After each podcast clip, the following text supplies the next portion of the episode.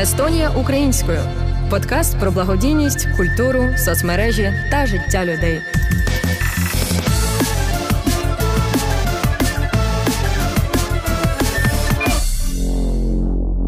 Вітаємо вас, шановні слухачі. Ви на другому сезоні подкасту Делфі Естонія українською. Цей подкаст створений за підтримки фонду інтеграції Естонії. Естонія українською подкаст, куди ми запрошуємо молодих українських діячів, щоб дізнатися про їх бізнес або творчість, обговорити нагальні проблеми та бути в курсі того, що відбувається в українському ком'юніті Естонії. І з вами його ведучі Володимир Семерій та Таїсія Білан. Ми студенти, які опинилися в Естонії від початку повномасштабної війни та долучилися до цього проєкту як безпосередній голос молоді. До нас завітала Аляска, вона же Аля. Вона тату-майстер за покликом душі, яка почала кар'єру в абсолютно новій сфері і в новій країні, і вже досягла певного успіху. Зараз працює у чарівній студії в Таліні. Аля називає себе free spirit і ніби проживає за одне життя багато життів. Отже, хочеться спитати тебе. Розкажи нам, хто ти, чим займалась, на кого вчилась і де народилась. Е, Тере в хату. Отак залетіла прямо. Щоб не розслаблялися. Взагалі дуже цікаве питання, хто я чи.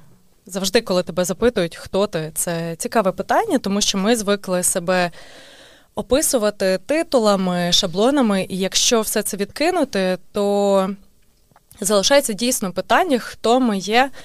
І про себе я можу, мабуть, сказати, е, що я людина-еклектик, в якій поєднується непоєднуване. Е, від магістра фізичної терапії до татуювальника, е, від бажання поїхати в Китай, викладати англійську мову дітям до роботи інструктором по віндсерфінгу, е, відеограф, йога-терапевт. І здається в ці моменти, що коли чуєш, що людина так про себе говорить, здається, ну та воно таке, і швець, і жнець, і на дуді грець. І якийсь період часу я про себе так думала, але насправді завжди від людей чула, що я дуже талановита, і з часом вони мене переконали, я почала в це вірити, е, тому більше не сприймаю це як недолік в собі. Я точно дбайлива до людей, які для мене дорогі. Угу. А я запам'ятовую дуже багато деталей, і потім а, ці деталі допомагають мені робити важливих людей для мене щасливими. А, Взагалі, коли люди щасливі навколо мене, від того, що я можу щось для них зробити, це робить дуже щасливою мене. Я командний гравець, але лише тоді, коли команда витримує потік моїх ідей і не лише витримує та допомагає мені їх втілювати. І з такими людьми точно можна зробити все завгод... все, що завгодно, і на практиці ми це робимо. Боже, мій ви філософ. Просто так так цікаво було. Ну. Цей світ мені вже зрозумілий. Oh my god. Oh my god. З цього всього можна зробити висновок, що у мене була дуже вдала кар'єра фізичного терапевта в Україні. Е, дуже хороша репутація та ім'я. Я віддала цьому багато сил, енергії. І зараз я віддаю багато сил і розвиваюся як тату-майстер, і розвиваюся як художник і митець.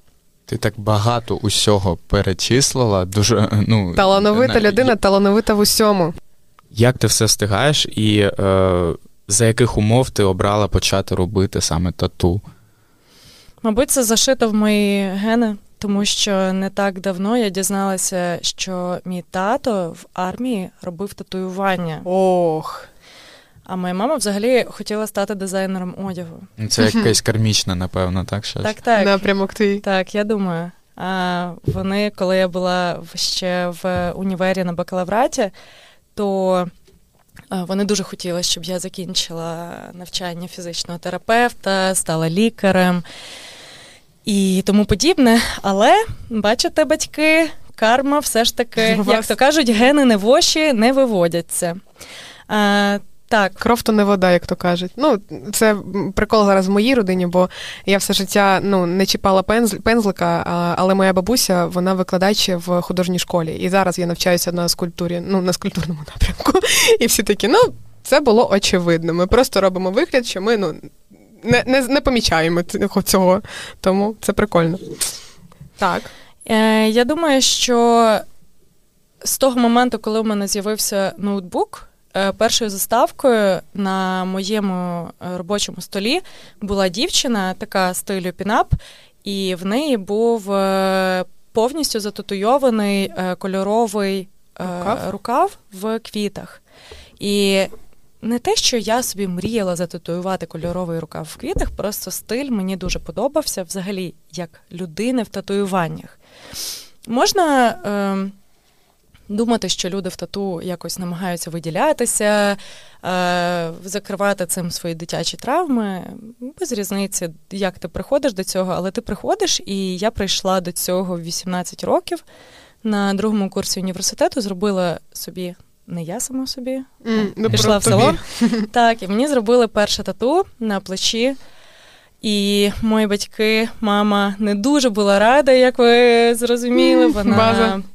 Дуже просила мене не йти, не робити. Це, до речі, досить цікава історія, тому що я думаю, що наші слухачі е, 100% стикалися з тим, що хтось з родини або вся родина не проти, приймає проти. проти і намагається переконати, що можливо вже досить. Так от. Е, коли я наважилась на своє перше тату, нарешті, вибрала дизайн, ескіз і пішла в салон. Е, І я зробила дурницю, що сказала своїм батькам за день до сеансу, що я йду робити тату. І через якийсь час мені дзвонить тато і каже: Аль, не йди, ну не роби, будь ласка, мама он всю ніч проплакала. І мене це чомусь так. Е, Ну, зачепило, так? Ну, це не зачепило, роздратувало, я би сказала. Тому що в 18 років ти тільки по паспорту вважаєшся дорослим, насправді ти ще тінейджер, який е, намагається, типу, стати дорослим, ніби. І ти все одно такий проти батьківських слів, такий та ні, це моє тіло, моє діло, це моя стипендія. І взагалі, я ж у вас гроші не беру. Чого ви мені Ти на стипендії робила тату? Ну тоді була стипендія 900 гривень, а тату коштувала 600. О. Я собі трішки е, зберегла грошей да, і пішла. Е, звісно, мама була взагалі не в захваті, тато ну так, підняв брову трішки, сказав, е, не сказав, зітхнув, так знаєш, що. Невдоволено. Так, так, так. А, але вони на мене не кричали нічого. Ну, якби в принципі, я вважаюсь дорослою, правильно? Хоч mm-hmm. і за паспортом. Але їм точно це не подобалося, і тим паче тату на відкритому місці, воно досить велике, як долоня під ключицею. Ну, як долоня по розміру, воно під ключицею, квітка. Ну навіть не скажеш, що прямо відкрите місце. Тобто, якщо ну, в будь-якому ти разі, так, так ну, літом не просто воно це видно, але. Ага. Але це не десь під волоссям, це не десь е, якесь маленьке. Тобто розмір е, 15 сантиметрів на 7 сантиметрів для першої тату у 2014 році. Ну, Це багато. Так, Це, це так, е, ніби такий е, такий вже Виклик. серйозний, так, серйозний крок. А найбільшу дурницю я зробила тоді, коли е, в той же момент показала своє тату бабусі. Я подумала, що вона все одно побачить. І думаю, ну я пришвидшу цей процес. Uh-huh. І я підійшла, під'їхала на такій козі, що ніби. А, От, слухай, е, ти ж любиш квіти, і я люблю квіти, і я ж твоя внучка, і тут я вирішила на собі навічно зробити квітку. Я знімаю футболку, я їй показую, і вона просто була в шоці. Вона така: Аля, це ж все не від Бога, це ж від лукавого. Ага. І... Ти що, зечка? Що ти що ти робиш? Ні, от про зечку, до речі, ніхто не казав. Угу. Вони але, вони так. втратили. Ну, вона прям була супер розчарована. Ну, я якось це пережила і поїхала далі. І десь роки через кілька. А, до цієї теми можна буде теми можна буде повернутись, тому що в принципі про досвід перших тату це супер цікава тема. А, Десь через три роки я почала продовжувати. Спочатку доробила цій квітці якесь м, логічне завершення, потім опустилась далі до, е, до ліктя, потім якимось чином це все переросло в рукав. А, Через якісь, мабуть, теж півтора-два роки в мене просто я прокидаюся, і в мене стріляє думка в голову: я хочу кольоровий рукав. Угу. Знайшла майстра. Теж ми повернемось, мабуть, до цієї теми, як знаходити того майстра, О. якщо ви розраховуєте на конкретну ідею, тому що моя ідея була в одному, отримала результат є інший. Я людинка така, який, в принципі, потім обдумає, щось подумає, подумає, треба було б зробити інакше, а потім така, та й ладно. Фіг з ним. І- А, Ну, до речі, ти казала про кольоровий рукав з квітами, і ми на Алі зараз бачимо саме кольоровий рукав з квітами. квітами, так. В мене лівий чорно-білий в графіці, Мгм. правий е, кольоровий акварельний. А на шиї кольорово-чорно-білий, ну такий напівзафарбований піон. І, мабуть, найновіше тату це ці великі чорні полоси, вони йдуть сюди і Мгм. до середини спини. Так. От. е, Це вся історія. Ще не вся тобто історія, ця вся історія до цього йде. І Е, Звісно, е, наприклад, кольоровий я вже зробила. А, коли я робила цю низ лівого рукава, ви бачите, що тут різний стиль, Мгм. хоча робив один і той самий майстер, але ця частина вона така дуже ніжна. Мгм. І от коли я вже її зробила, мама її розглядає, така каже: Ой, така гарна пташечка, оця квітка мені подобається, оця не подобається. А ну тобто вже мама почала при, Вона вже приймати, так, так, вона А. не просто вже мовчки дивилась, а вона вже така: о, це мені Оцінювала. подобається. Так, так, так. І я в цьому всьому бачила, що і тато такий, а ну дай подивлюся, як воно зроблено. Тобто я вже бачила, що е, вони прийняли те, що вони не будуть мені казати, як жити. І з, зі сторони е, моєї це дуже велике дякую моїм батькам, що вони не знаю, мабуть, не переступили себе, але просто прийняли, що у мене своє бачення, своє життя, і я можу робити свої е, якісь висновки, помилки і вибори. Ну я думаю, якщо нас е, слухають молоді українці, україночки, то вони просто впізнають себе в то в твоїй Е, історії. обов'язково, обов'язково. Окей. А з кольоровим все було простіше. Я сказала, що буду робити щось, почула якісь е, аргументи за і проти, про колір, щось таке. Мгм. А, все ж таки зробила. Про піон на шиї він досить великий.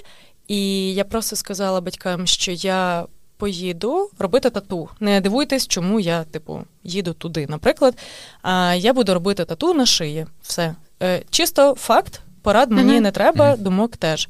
І потім я в загальний наш сімейний чат скинула фото, і мама мені пише в приватну нашу переписку, каже: взагалі-то тобі пасує. І я думаю, вау, вау, вау. Ну Е, так, так, такий великий шлях.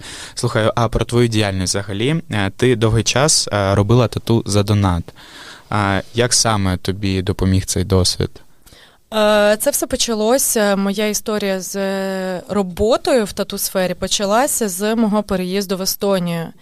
Е, Так, у мене була хороша кар'єра фізичного терапевта, але влітку 21-го року я дуже вигоріла, і мені просто, от я, мабуть, собі наманіфестувала е, все, що зі мною трапилось тоді, тому що, ну.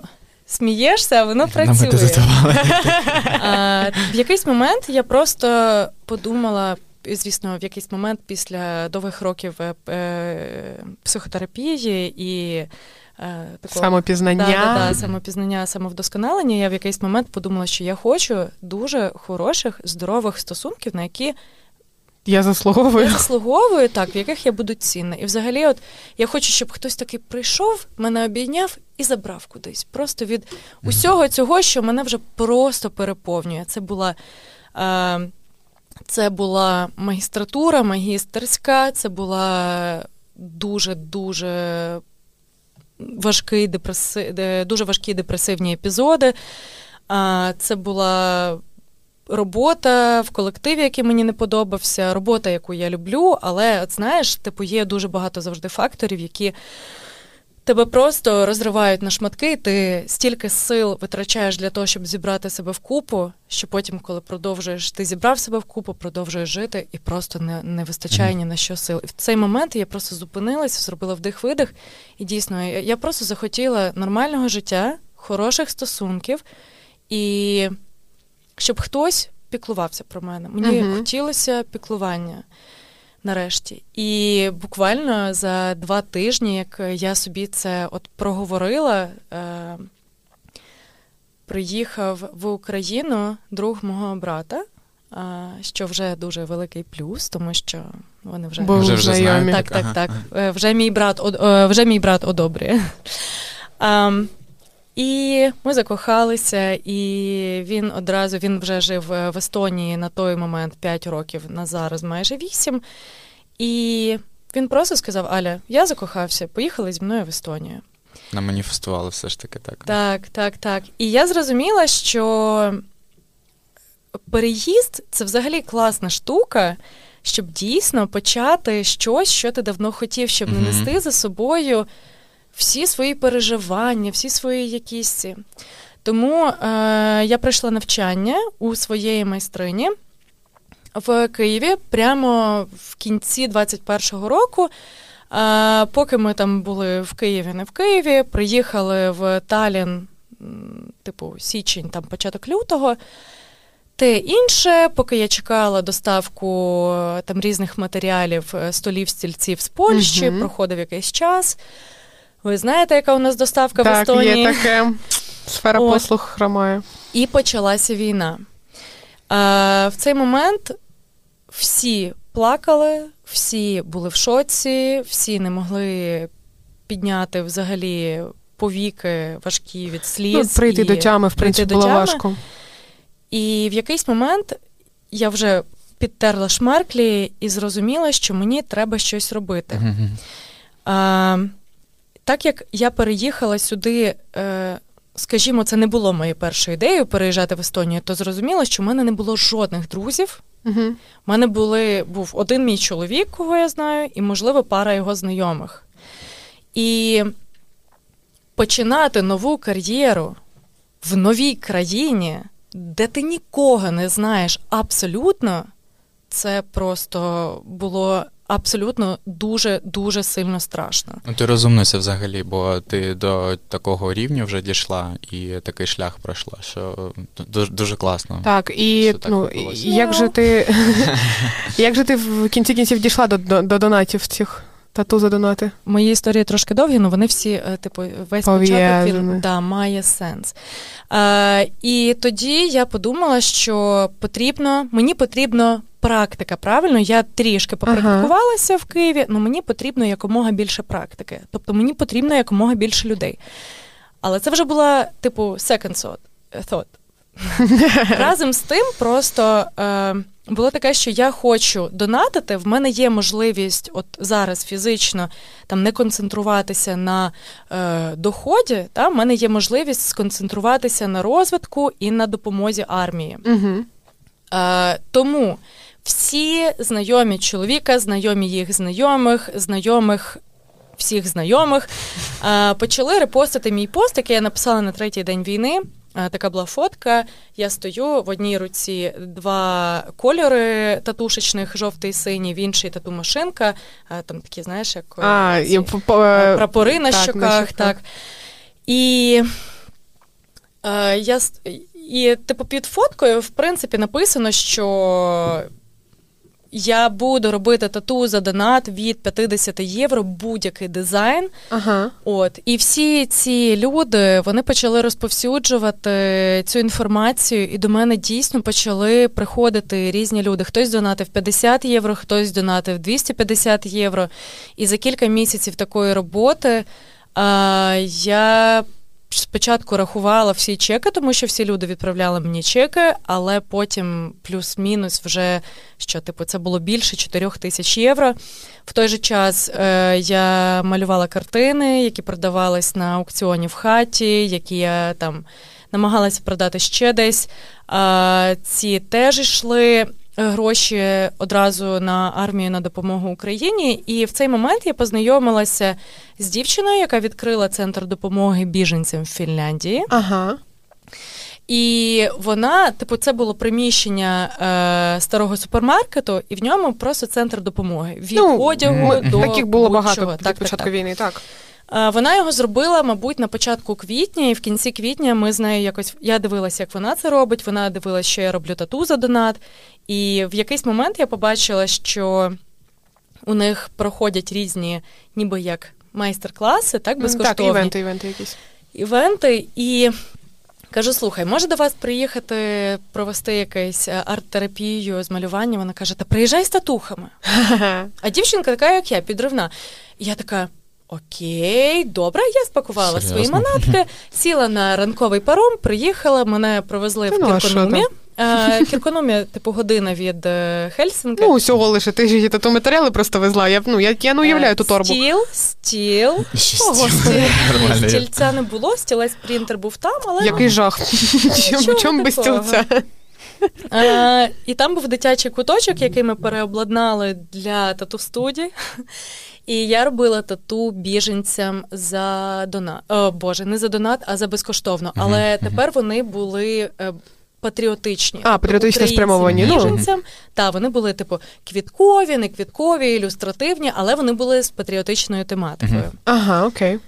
Е, і минулої зими з листопада по квітень, я так їздила в е, Хельсинки кілька разів. Е, потім влітку я вже просто, знаєте, інколи, коли ти навіть волонтериш, тобі все одно треба вже в якийсь момент трішки думати про себе. Так. Мабуть, через Відпочивати. е, 4-5 місяців в мене почався такий період, і я все ж таки почала трішки працювати для себе, відпочивати. Е, періодично все ж були люди, які кажуть: О, я хочу до вас по акції тату за донат. І звісно ж, ну звісно, я виставляла ці чеки знову ж таки і робила е, людям і в Хельсінки, і в е, Таліні Ага. тату ще продовжила робити за донат.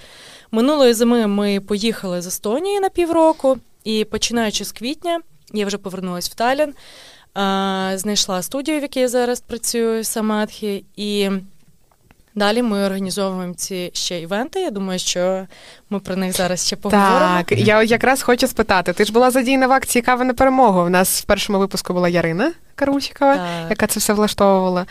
Що тобі, як ну, тату-майстру, дають такі івенти?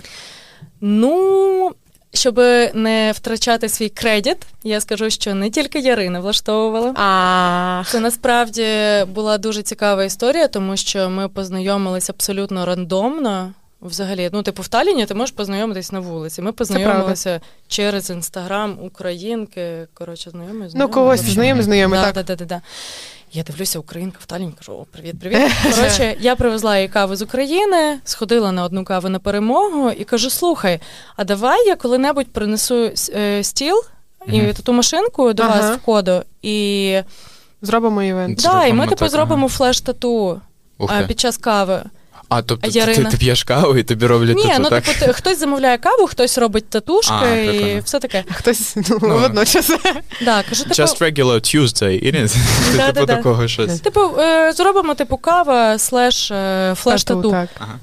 Ярина така каже: що таке flash? Кажу, А що «Окей». таке flash? Давай.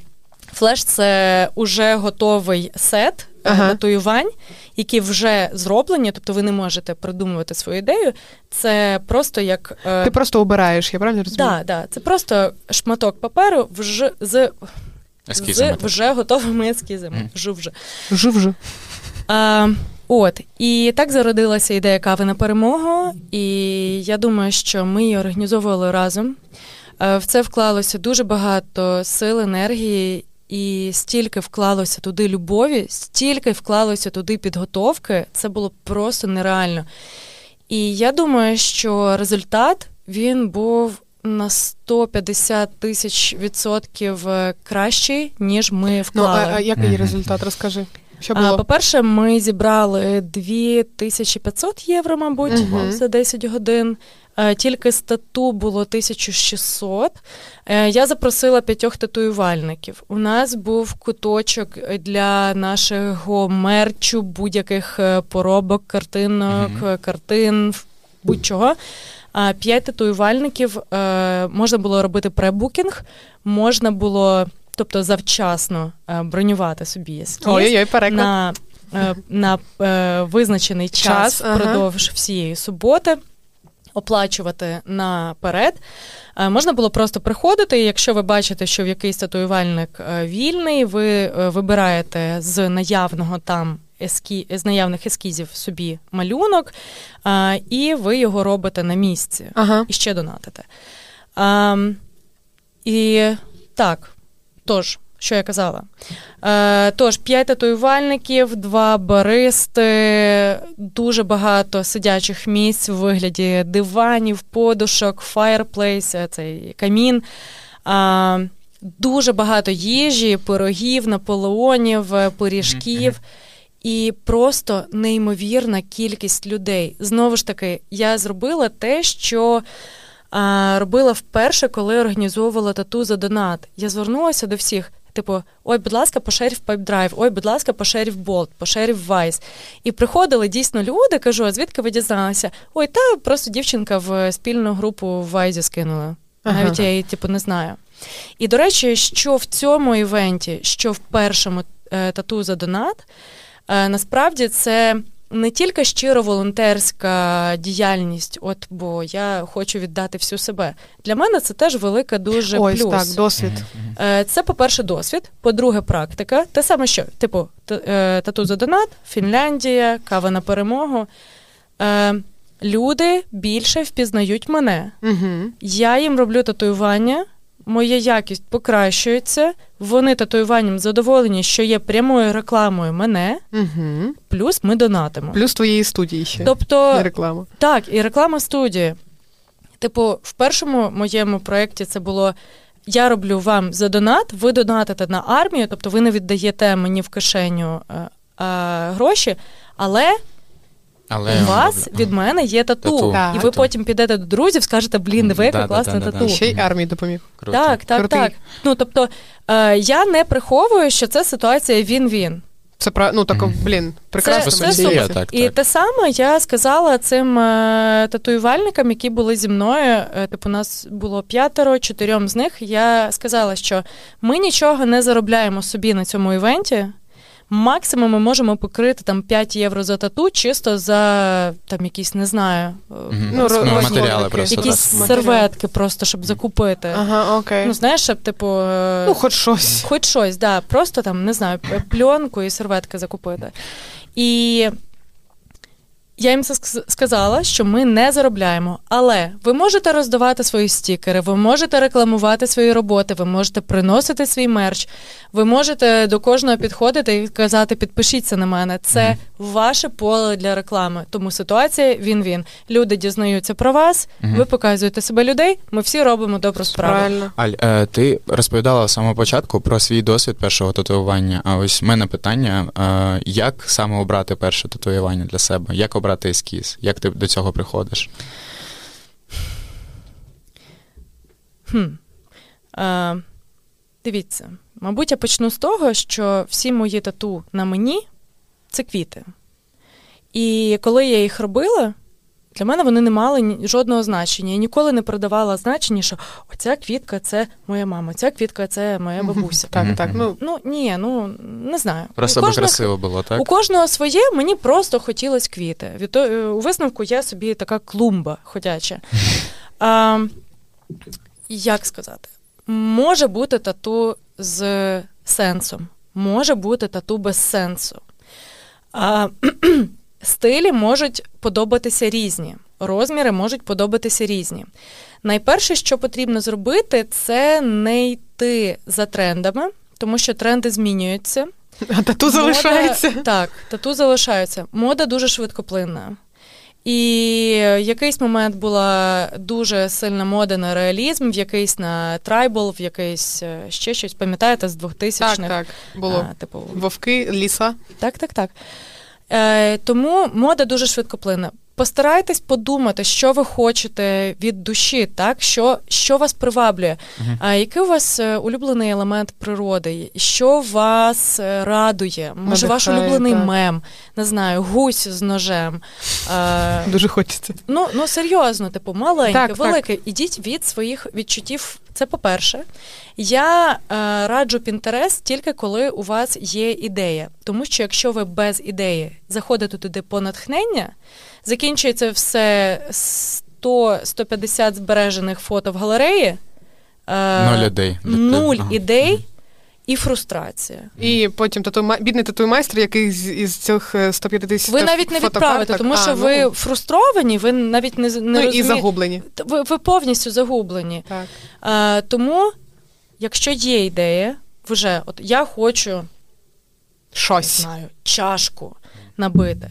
І я кажу: добре, який розмір, який е, стиль. формат, стиль, яке місце. І якщо е, ми зупиняємося на який стиль, та, то я тоді прошу зайти в інстаграм, е, в Пінтерест, Pinterest ага. Е, написати чашка тату. І подивитися, вибрати для себе п'ять найприкольніших. І тоді з цього я щось зроблю. Ага. Як ще вибрати майстра? Ще треба е, обов'язково зробити такий собі аналіз дослідження, подивитися е, на роботи, подивитися, наскільки вони відредаговані чи живі, подивитися різних майстрів і порівняти взагалі навіть якість ліній. Е, ще ви маєте йти від того, що ви хочете. Якщо ви хочете набити реалізм то не потрібно йти до людини, яка, яка б'є, геометрію. Е, геометрію. Так. А, Вибирати їх треба і обов'язково знаходьте хоча б декілька, порівнюйте їх. Угу. Це може бути навіть людина, яка не живе в Естонії, не обов'язково до неї їхати. Просто знайдіть людей, які це роблять, і ви побачите, наскільки е, є варіативність стилів, і наскільки навіть ваша ідея може бути вдосконалена. На рахунок ідей. Що я точно не раджу для першої тату, це просто брати рандомну ідею, яка навіть не персоналізована з вами. Тобто тату може мати або не мати сенсу, але що найкраще, це не просто копіювати роботу, а кастом... Кастомізувати. Кастомізувати. Ох, кастомізувати Дякую, її під себе, зробити її унікальною. Mm. І коли люди приходять з телефоном і показують, я хочу ось це. Я кажу, добре, але я не копіюю чужі роботи, навіть якщо ну, це вони... плагіат. Навіть якщо вони просто з Пінтересту, да, у нього немає автора, я не хочу робити чуже. Я їм так ну, відверто прямо блін, не кажу. Це мені здається, для людини творчої робити щось, що вже хтось зробив, це ну, якийсь крінж. Якби ти знаєш, ми все одно ніхто не може придумати велосипед. Все, що було Але, все, ну, що придумане, вже придумане до нас. Я маю на увазі просто під копирку. Але просто взяти рандомну е, картинку і її набити. Ну, типу, я ж себе теж поважаю, я ж теж хочу розвиватися. Моя ганюня. А, Тому я завжди пропоную людині, кажу: Окей, класна ідея, давайте ми її під вас кастомізуємо. І це найкраще, на це треба погоджуватись. А, Бажано не робити мільйон правок, бажано продумати, як ви хочете це бачити, дати три ідеї. Потім майстер вам е, показує або скидає якийсь варіант, і ви робите максимум одну правку. Тому що дуже багато правок, знову ж таки, ви загублюєтесь.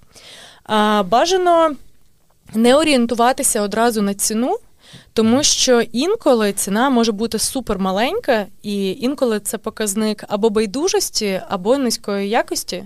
Інколи ціна може бути досить е, висока, але це не завжди показник гарної uh-huh, якості uh-huh. теж. Е, Взагалі ціни варіюються, і не дуже коректно запитувати, яка у вас вартість тату, тому що все залежить від місця, від складності, від е, розміру, ну, від об'єму, від затраченого часу, від якості шкіри, від е, больової толерантності і дуже багатьох факторів. Як майстер, я переконалася і продовжую переконуватися на власному досвіді, що робота в студії безцінний досвід. Вона дає дуже багато переваг, одна з яких, і, мабуть, найголовніша це однодумці та допомога колег. Обов'язково потрібно малювати кожен день, вдосконалювати свої навички, як сталі, базові, так і вчитися новим. Людина, яка зупиняється в своєму розвитку в будь-якій сфері, вона починає відставати і потім відстає І ніколи не наздоганяє. і не, не наздоганяє. А, потрібно будувати довіру зі своїми клієнтами. Угу. Потрібно дуже м'яко через себе навіть найскладніших клієнтів е, приводити до думки, що тату має або не має нести сенс, але воно має бути оригінальним, Угу. щоб запобігти Плагіату і- плагіату і взагалі Просто все- людині особистісно зробити. Виразитися так. Якщо ви унікальна людина, то чому би вам не зробити Унікальне тату, тату? якого е, ні в кого немає інших? Але навіть своїм найкращим клієнтам, у яких, е, з якими ви вже друзі, все одно потрібно брати депозит, Ага. не боятися, тому що це ваш час, це ваша робота, і Ну, беручи до себе. депозит, ви налаштовуєте людину на те, що вона відноситься до тату серйозно. Великий когнітивний дисонанс е, полягає в тому, що тату, на відміну від будь-яких послуг на короткий час, тату залишається з вами на все життя. Тому до нього потрібно відноситися більш серйозно. А, і, будь ласка, всі, хто хоче собі зробити тату, робив, буде робити. Будь ласка, пам'ятайте, що хороше, якісне тату коштує гроші. Це вперш за все очі, спина, руки і години, години, години, десятки, сотні годин практики. І за цю практику, за ці знання ви платите кошти. І чим ці знання краще, не обов'язково ціна тоді буде завищена, але Воно буде того коштувати. Воно буде того коштувати. Е, Заплатити однакову суму за щось, що триватиме, ну чим ви покористуєтеся місяць або два, і заплатити ту саму суму за те, що буде з вами на все життя. Мгм. Е, Не, не знецінюйте нашу роботу, тому що це супер важливо. А так, будь ласка, приходьте робити. Посилання Я- залишимо всі. Так. Так, всіх чекаємо. Яка адреса? Давай. А, Адреса Мадара 22. Е, Чиха. Це, це полімер. Я завжди раджу людям, якщо це не мій стиль, я завжди раджу найкращих татуювальників різних стилів, які я знаю. Тому приходьте, зробимо все якісно, класно. Взагалі, не бійтесь нічого. Не бійтесь змінювати своє життя і робити те, що ви ніколи не пробували раніше. Мені подобається таке завзяття під кінець. Дякую тобі, Аля. Ну, щоб бути серйозною постійно. Правильно, правильно. І тут з однієї сторони серйозний, з іншої сторони стрибаєш з хати. Так, дякуємо, Аля. Е, ну, наш подкаст Естонія українською добігає кінцю. З вами була наша гостя Аля, вона шаляска, та Володимир Таїсія. Цю та інші передачі було створено за підтримкою фонду інтеграції Естонії. Дякуємо. Естонія українською